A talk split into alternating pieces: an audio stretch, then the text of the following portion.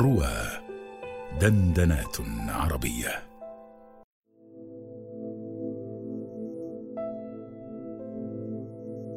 أوراق الطريق إلى بيت الله العتيق. عندما عقدت النية على أن أحج بيت الله الحرام أول مرة في سنة 1401 للهجرة 1980 ميلادية مع ثلة من الطلبة زملائي بجامعة القاهرة. كان أول شيء شغل بالي وشغل بالهم هو جواز السفر أو الباسبور أو كما كنا ننطقه بلهجة مصرية دارجة الباسبورات. ولما كانت تلك المناسبة هي الأولى التي أستخرج فيها جواز سفر لي فقد دارت يومها في ذهني تساؤلات كثيرة. عن المستندات اللازمة وكم عدد الصور الشخصية التي يجب أن أرفقها بطلب الحصول على الجواز وما مقدار الرسوم النقدية التي سأدفعها وقبل هذا كله ما اسم الجهة التي سأتقدم إليها بالطلب وأين مكانها بالضبط؟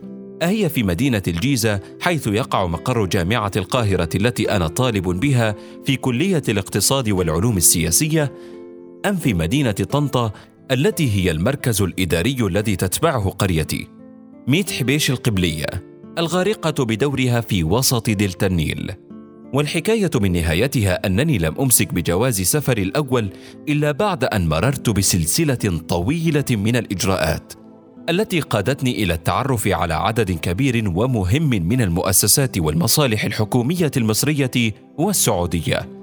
كانت البداية بالمقر المركزي لمصلحة البريد بالعتبة الخضراء بوسط القاهرة حيث كانت تستأثر وحدها ببيع أوراق استخراج جوازات سفر الطلبة. ويومها رأيت لأول مرة سور الأزبكية المشتهر ودهشت من كثرة الكتب القديمة المعروضة حوله للبيع بأسعار منخفضة. واشتريت يومها ما تيسر لي منها. وتلا ذلك الذهاب إلى الديوان العام لمحافظة الغربية التي تتبعها قريتي حيث تعين علي الحصول على شهادة ضمان موثقة وموقع عليها من اثنين من موظفي الحكومة. ثم حصلت على موافقة جامعة القاهرة ومنها ذهبت إلى القنصلية السعودية بالقاهرة.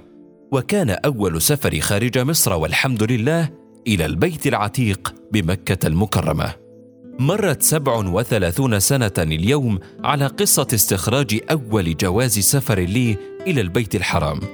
وكلما وردت وقائعها على خاطري تذكرت كم من درس تعلمته منها وربما أهمها هو أن بلوغ أي مقصد يحتاج إلى إرادة قوية يعبرون عنها شرعا بالنية الصادقة ويحتاج أيضا إلى إدارة حازمة للنفس أولا وقبل أي شيء آخر.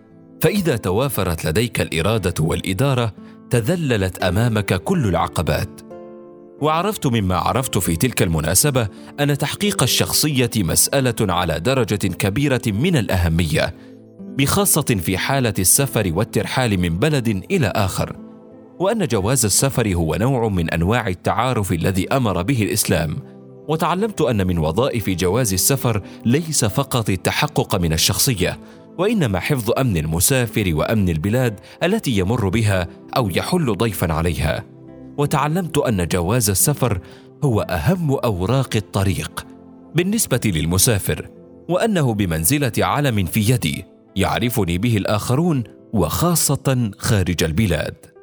وعرفت من القراءة في مصادر تاريخ الحضارة الإسلامية أن أوراق الطريق التي تعادل جواز السفر اليوم إلى البيت العتيق كانت لها فوائد أخرى كثيرة وأنها حملت في طياتها عبر الزمن قوة تمدنية هائلة. كان لها الفضل في إحداث نقلات نوعية على طريق النمو والتقدم الحضاري بشكل عام. ليس فقط في ديار المسلمين وإنما أيضا في مختلف أنحاء العالم القديم. وقد وصل الأمر في السنين الأخيرة إلى أن اليابان وبلدانا أخرى طورت جوازات سفر بالقياسات البيولوجية. وفي بريطانيا وكندا وأمريكا وغيرها من البلدان بدأ العمل فعلا بجوازات سفر عالية التقنية. تستخدم فيها صور وتوقيعات رقمية وبصمات لقرنية العين وصور أخرى خفية لا ترى إلا عبر ماكينات خاصة عند بوابة الجوازات.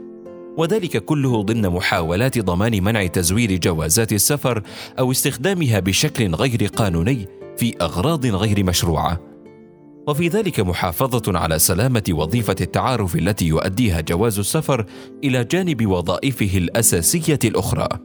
جاء في لسان العرب أن الجواز صك المسافر وتجاوز بهم الطريق وجاوزه جوازا خلفه. وفي التنزيل العزيز قال تعالى وجاوزنا ببني إسرائيل البحر فأتبعهم فرعون وجنوده بغيا وعدوى.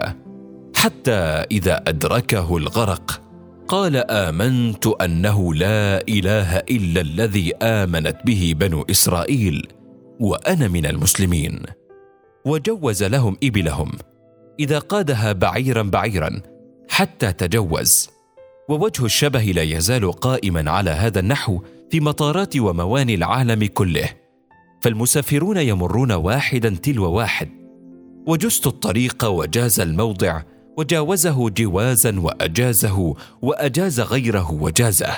سار فيه وسلكه وأجازه خلفه وقطعه وأجازه أنفذه. قال الراجز خلوا الطريق عن أبي سيارة. حتى يجيز سالما حماره. وجواز السفر في فقه اللغة يشير أيضا إلى أنه ارتبط دوما بخطوات المسافر وبتوفير ما يحتاجه على طول طريقه من بلده إلى أخرى. أي إن المتتبع لتاريخ جواز السفر يمكنه أن يتتبع بيسر وسهولة. مراحل التطور العمراني والتقدم المدني في مختلف أصقاع الأرض. ويمكنه أن يتعرف أيضا على أنواع مدهشة من العمل الخيري وفنون إكرام الضيف وعابر السبيل وأساليب إغاثة اللهفان وتفريغ ما نزل به من كرب أو هم ولكن دوام الحال من المحال كما يقولون. إذ لم يعد في عالمنا المعاصر كثيرون من الكرماء والأجاويد الذين يجيزون المسافر إذا انقطعت به السبل. أو إذا نضب ما معه من مؤونة السفر من مال وطعام وشراب. بل الذي يحدث هو أن يسرع رجال أمن المطارات والمواني والحدود البرية إلى إلقاء القبض على مثل هذا المسافر الذي قد لا يكون معه زاد يبلغه مأمنه ويردوه على أعقابه عبر سلسلة طويلة من الإجراءات والفحوصات الأمنية حتى يجد نفسه في نهاية المطاف قد عاد إلى حيث بدأت رحاله. ويظن كثيرون أن حرية التنقل بخاصة إلى البيت الحرام في عصور الحضارة الإسلامية قديما كانت تجري دون تحقق أو سؤال أو دون رابط أو ضابط من أي جهة وما أبعد هذا الظن عن حقائق التاريخ ووقائعه. فثمة دلائل تاريخية موثقة تؤكد أن النشأة الأولى لجواز السفر كانت في جانب منها بمناسبة الحاجة إلى الانتقال إلى البيت العتيق لأداء فريضة الحج. أو للتمتع بالعمرة بين الحين والآخر إضافة إلى حاجات أخرى للترحال لأغراض التجارة والعلم والسير في الأرض لأغراض شتى. والثابت هو أن استعمال جواز السفر المعنوي في أمور العبادات كان هو الأسبق دوما. وكان الأكثر أهمية من جواز السفر المادي الذي كان في صوره الأولى عبارة عن قطعة من الجلد أو القماش أو العظام أو الورق. والثابت كذلك في الحضارة الإسلامية ووقائع تمدنها أن ظهور جوازات السفر المادية جاء لاحقا على جواز السفر المعنوي بقرنين أو أكثر من الزمان. فما هو يا ترى جواز السفر المعنوي؟ جواز السفر المعنوي أو الروحي يتمثل في الإيمان المستكين في أعماق القلب وهو بالنسبة للمسلم شهادة أن لا إله إلا الله وأن محمدا رسول الله التي يحملها المسلم في قلبه ويعيها بعقله وتترجمها جوارحه. هذا الجواز هو أول شرط من شروط السفر إلى البيت العتيق فلا يصح الحج للبيت العتيق في مكة المكرمة لغير المسلم. والحالات التي نجح فيها غير المسلم في زيارة البيت العتيق كانت بطريق التخفي والاحتيال ومنها حالة الرحالة الفرنسي كورتولمو وغيره كثيرون. وقد استمر نفر من هؤلاء المحتالين والمغامرين في ركوب متن المغامرة والمخاطرة من أجل الوصول إلى مكة المكرمة منذ أن نجح لودريكو فارثيما في الوصول إليها وهو مندس في قافلة الحج الشامي سنة 908 للهجرة 1503 للميلاد.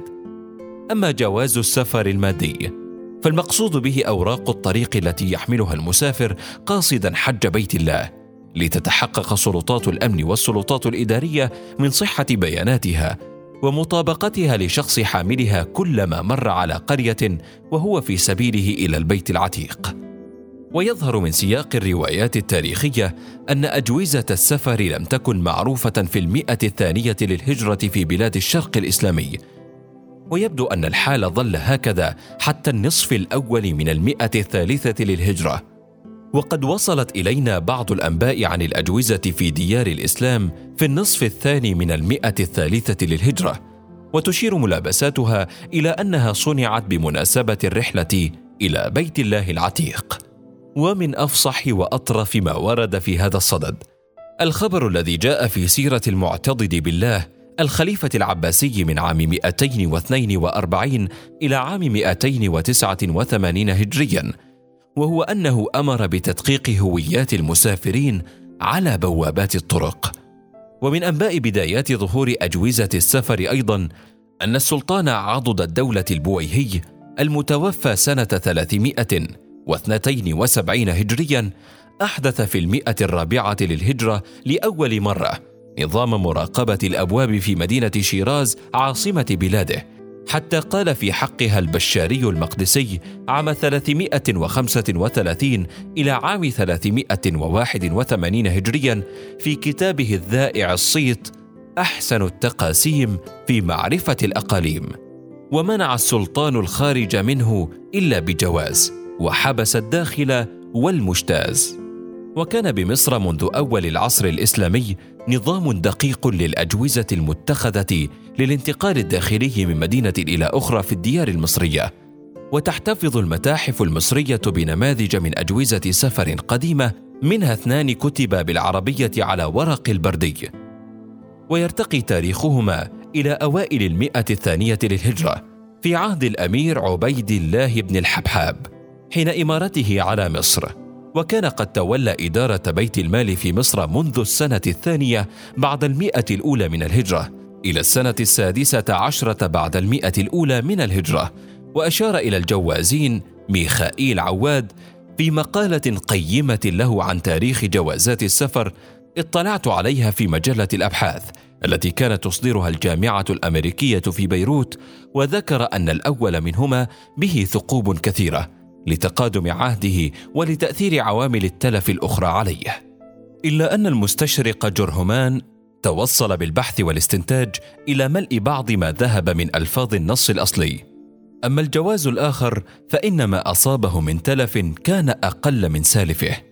ولعل أدل ما ورد فيه في هذا الباب هو أنه تضمن السمات المميزة والعلامات الفارقة في جسم الشخص الذي يحمله. وإليك نصه نقلا عن جرهمان. بسم الله الرحمن الرحيم. هذا كتاب من عبد الله بن عبيد الله عامل الأمير عبيد الله بن الحبحاب على أعلى أشمون. لقسطنطين ببسطلس شاب أبط بخده أثر وبعنقه خالان. سبط من أهل بسقنون باهة من أعلى أشمون. إني أذنت له أن يعمل بأسفل أشمون لوفاء جزيته والتماس معيشته.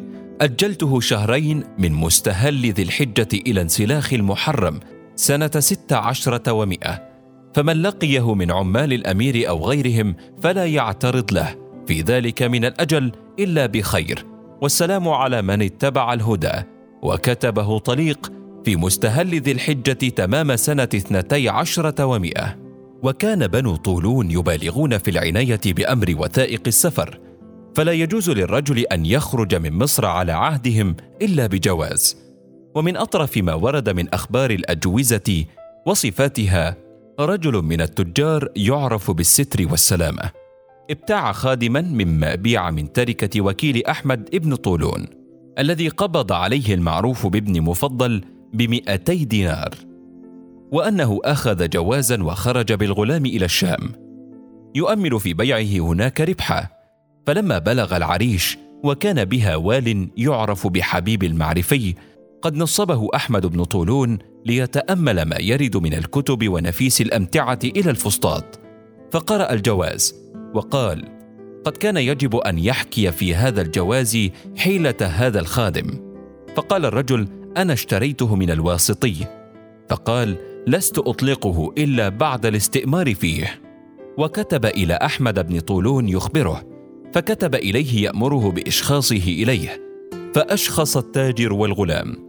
فلما وافق وأدخل مع الغلام إليه قال له من أين لك هذا الخادم؟ قال ابتعته من الواسطي كاتبك مما باعه من تركة ابن مفضل. فقال له أين كنت عازما به؟ قال أستقري به البلدان حتى أجد فيه ما أؤمله من الربح. فقال اكتبوا له جوازا وحلوا فيه الخادم وأطلقوا سبيله. فمن هذا النص الأخير يتضح أن الجواز كان يتضمن صفة الشخص وهيئته لئلا يشتبه به أو يتخذ لغير أهله وذاك يدل دلالة لامعه على عناية أولئك الأقدمين بأمور يظن أنها من مبتكرات العصور الحديثة ومستنبطات المدنية الحاضرة بينما هي من مستنبطات المدنية الإسلامية. ويغلب علي الظن أنه لم يكن لجواز السفر أن يتطور وينتشر على نطاق واسع لدى عامة المسلمين وخاصتهم لولا فريضة الحج. فقد اقتضت ضرورات أمن الطريق وأمن الحجاج وسلامتهم في الحل والترحال أن يحمل كل منهم جواز سفر يحتوي على البيانات الأساسية التي تحدد هويته وتثبت ما يحمله من نفيس المتاع والجهة التي يقصدها والجهة التي أتى منها. وصارت أغلب البلدان الإسلامية تصدر جوازات سفر خاصة بأداء الحج والعمرة. وصار الحجاج وبخاصة من عامة الناس يحتفظون بهذه الجوازات لما لها من ذكرى غالية على نفوسهم. وفي حيازة أحدها باسم الحاج ستيتا سليمان حسن بدير من حجاج منتصف القرن الرابع عشر الهجري من قرية ميت حبيش القبلية طنطا وحجم صفحة الجواز خمسة سنتيمترات في ثمانية سنتيمترات ومثبت فيه صورة شخصية للحاجة ومكتوب أعلى الصورة قوله تعالى ولله على الناس حج البيت لمن استطاع إليه سبيلا.